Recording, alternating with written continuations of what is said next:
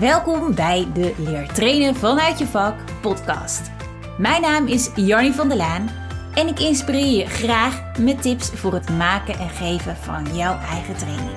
Ik vind het namelijk belangrijk dat jij vol passie en vol zelfvertrouwen voor die groep kan staan, maar dat je je deelnemers ook echt wat bijbrengt zodat ze het geleerde ook echt kunnen gaan toepassen. Jij bent goed in je vak en van mij leer je trainen vanuit je vak.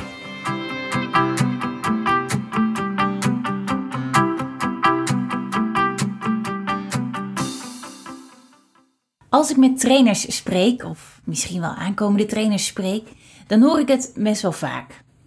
Jannie, ik durf nog geen training te geven. Want ik weet gewoon nog niet alles. En ik ben bang dat als ik dan een vraag krijg van een van de deelnemers, dat ik het antwoord gewoon niet weet. Ja, weet je, en ik begrijp dat het natuurlijk niet zo relaxed voelt. Want ja, jij staat daar als trainer, jij bent hè, expert in je eigen vak. En dan wil je gewoon laten zien aan je deelnemers dat je van de hoed en de rand weet. Dat je gewoon precies weet waar je het over hebt.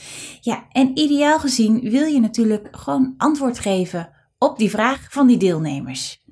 Sterker nog, jij wil gewoon antwoord kunnen geven op alle vragen die je van je deelnemers krijgt. Dat begrijp ik. Begrijp ik echt. Dat zou ik ook heel graag willen. Maar ja, moet je als trainer altijd alles weten? Ik denk dat het niet zo is.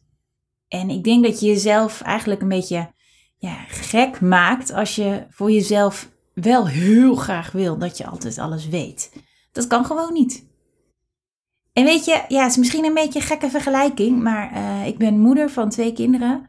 En ik krijg ook wel eens uh, vraag van mijn, uh, van mijn zoon of van mijn dochter van... ja mama, weet jij eigenlijk hoe dit zit?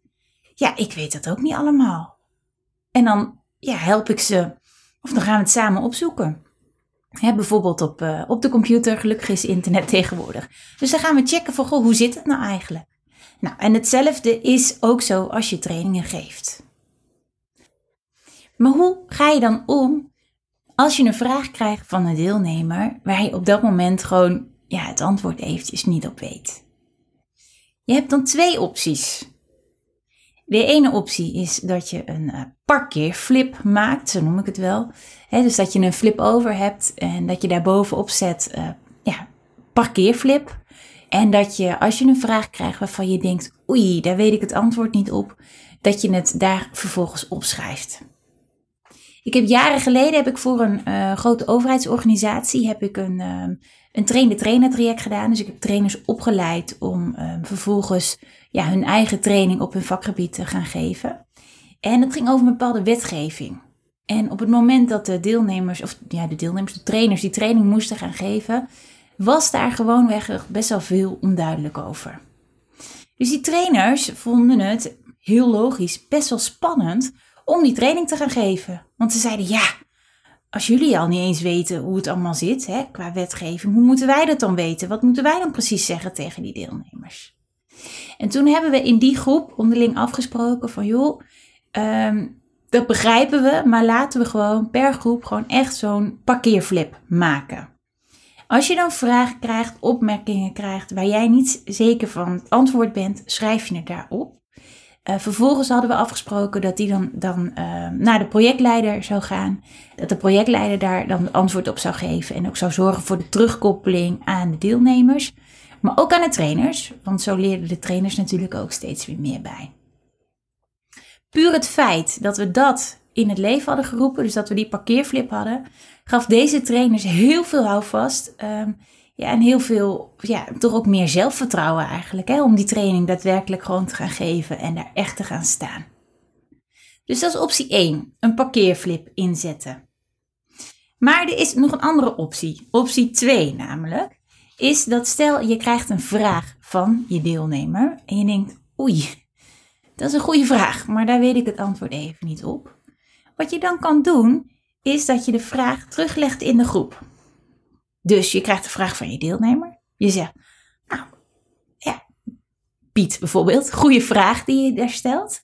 Wie heeft er een idee? Wie heeft een idee op deze vraag? Wie heeft het antwoord hierop? Dan vraag je vervolgens aan de groep.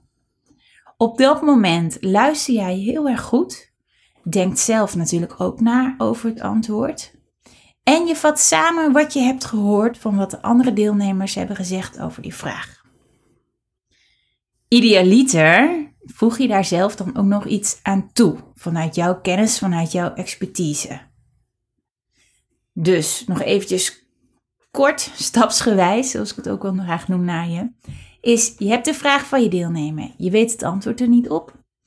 Je stelt de vraag aan de groep. Wie heeft een idee? Wie heeft een, het antwoord op deze vraag?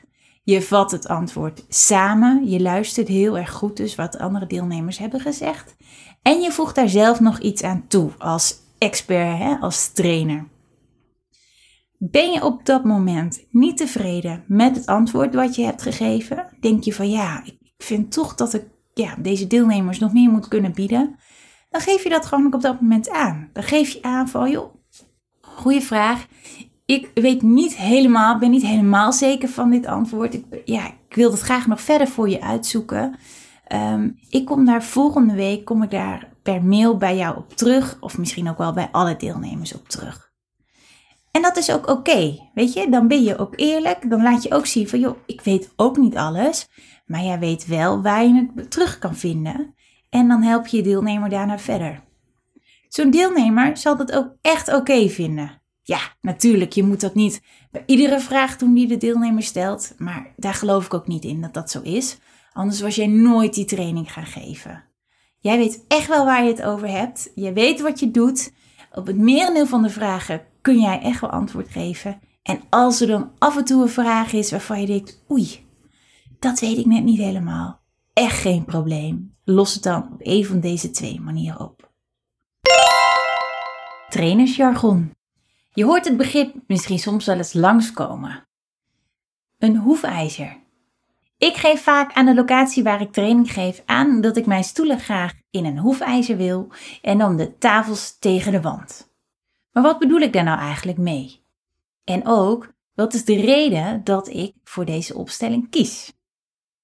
Nou, een hoefijzeropstelling is eigenlijk niet meer en niet minder dan dat je de stoelen in een U-vorm zet. De stoelen staan in een U-vorm en aan het hoofd heb je dan ruimte voor de trainer, uh, maar ook voor het tonen van je presentatie of voor het neerzetten van een flip-over. En ik kies heel erg bewust voor deze opstelling. Ik merk dat als ik um, tafels gebruik, bijvoorbeeld de tafels in een U zet en dan de deelnemers daarachter plaats, dat uh, deelnemers toch snel geneigd zijn om zich een beetje te verstoppen achter deze tafels. He, ze kunnen makkelijker bijvoorbeeld even met de telefoon nog wat dingen afhandelen, uh, misschien de laptop erbij. Nou ja, dat gaat dan gewoon makkelijker met een tafel. En ik merk ook dat de energie dan in de groep sneller daalt. En ik wil juist die energie lekker hoog hebben. Ik wil dat mensen, deelnemers er echt bij zijn, dat ze betrokken zijn. En uh, dat, dat echt de mogelijkheid is tot interactie in die training. Dus dat is de reden dat ik kies voor een hoefijzer, zodat het energieniveau van de deelnemers, maar ook van mezelf als trainer, lekker hoog blijft en de deelnemers gewoon goed aan de slag zijn met het volgen van de training. Dit was hem alweer, de Leer trainen vanuit je vak podcast. Leuk dat je erbij was. Deel deze podcast gerust met anderen die ook willen leren om hun eigen training te maken en te geven. En kun jij nou niet wachten op de volgende podcast? Kijk dan eens op www.leertrainenvanuitjevak.nl voor nog meer trainerstips.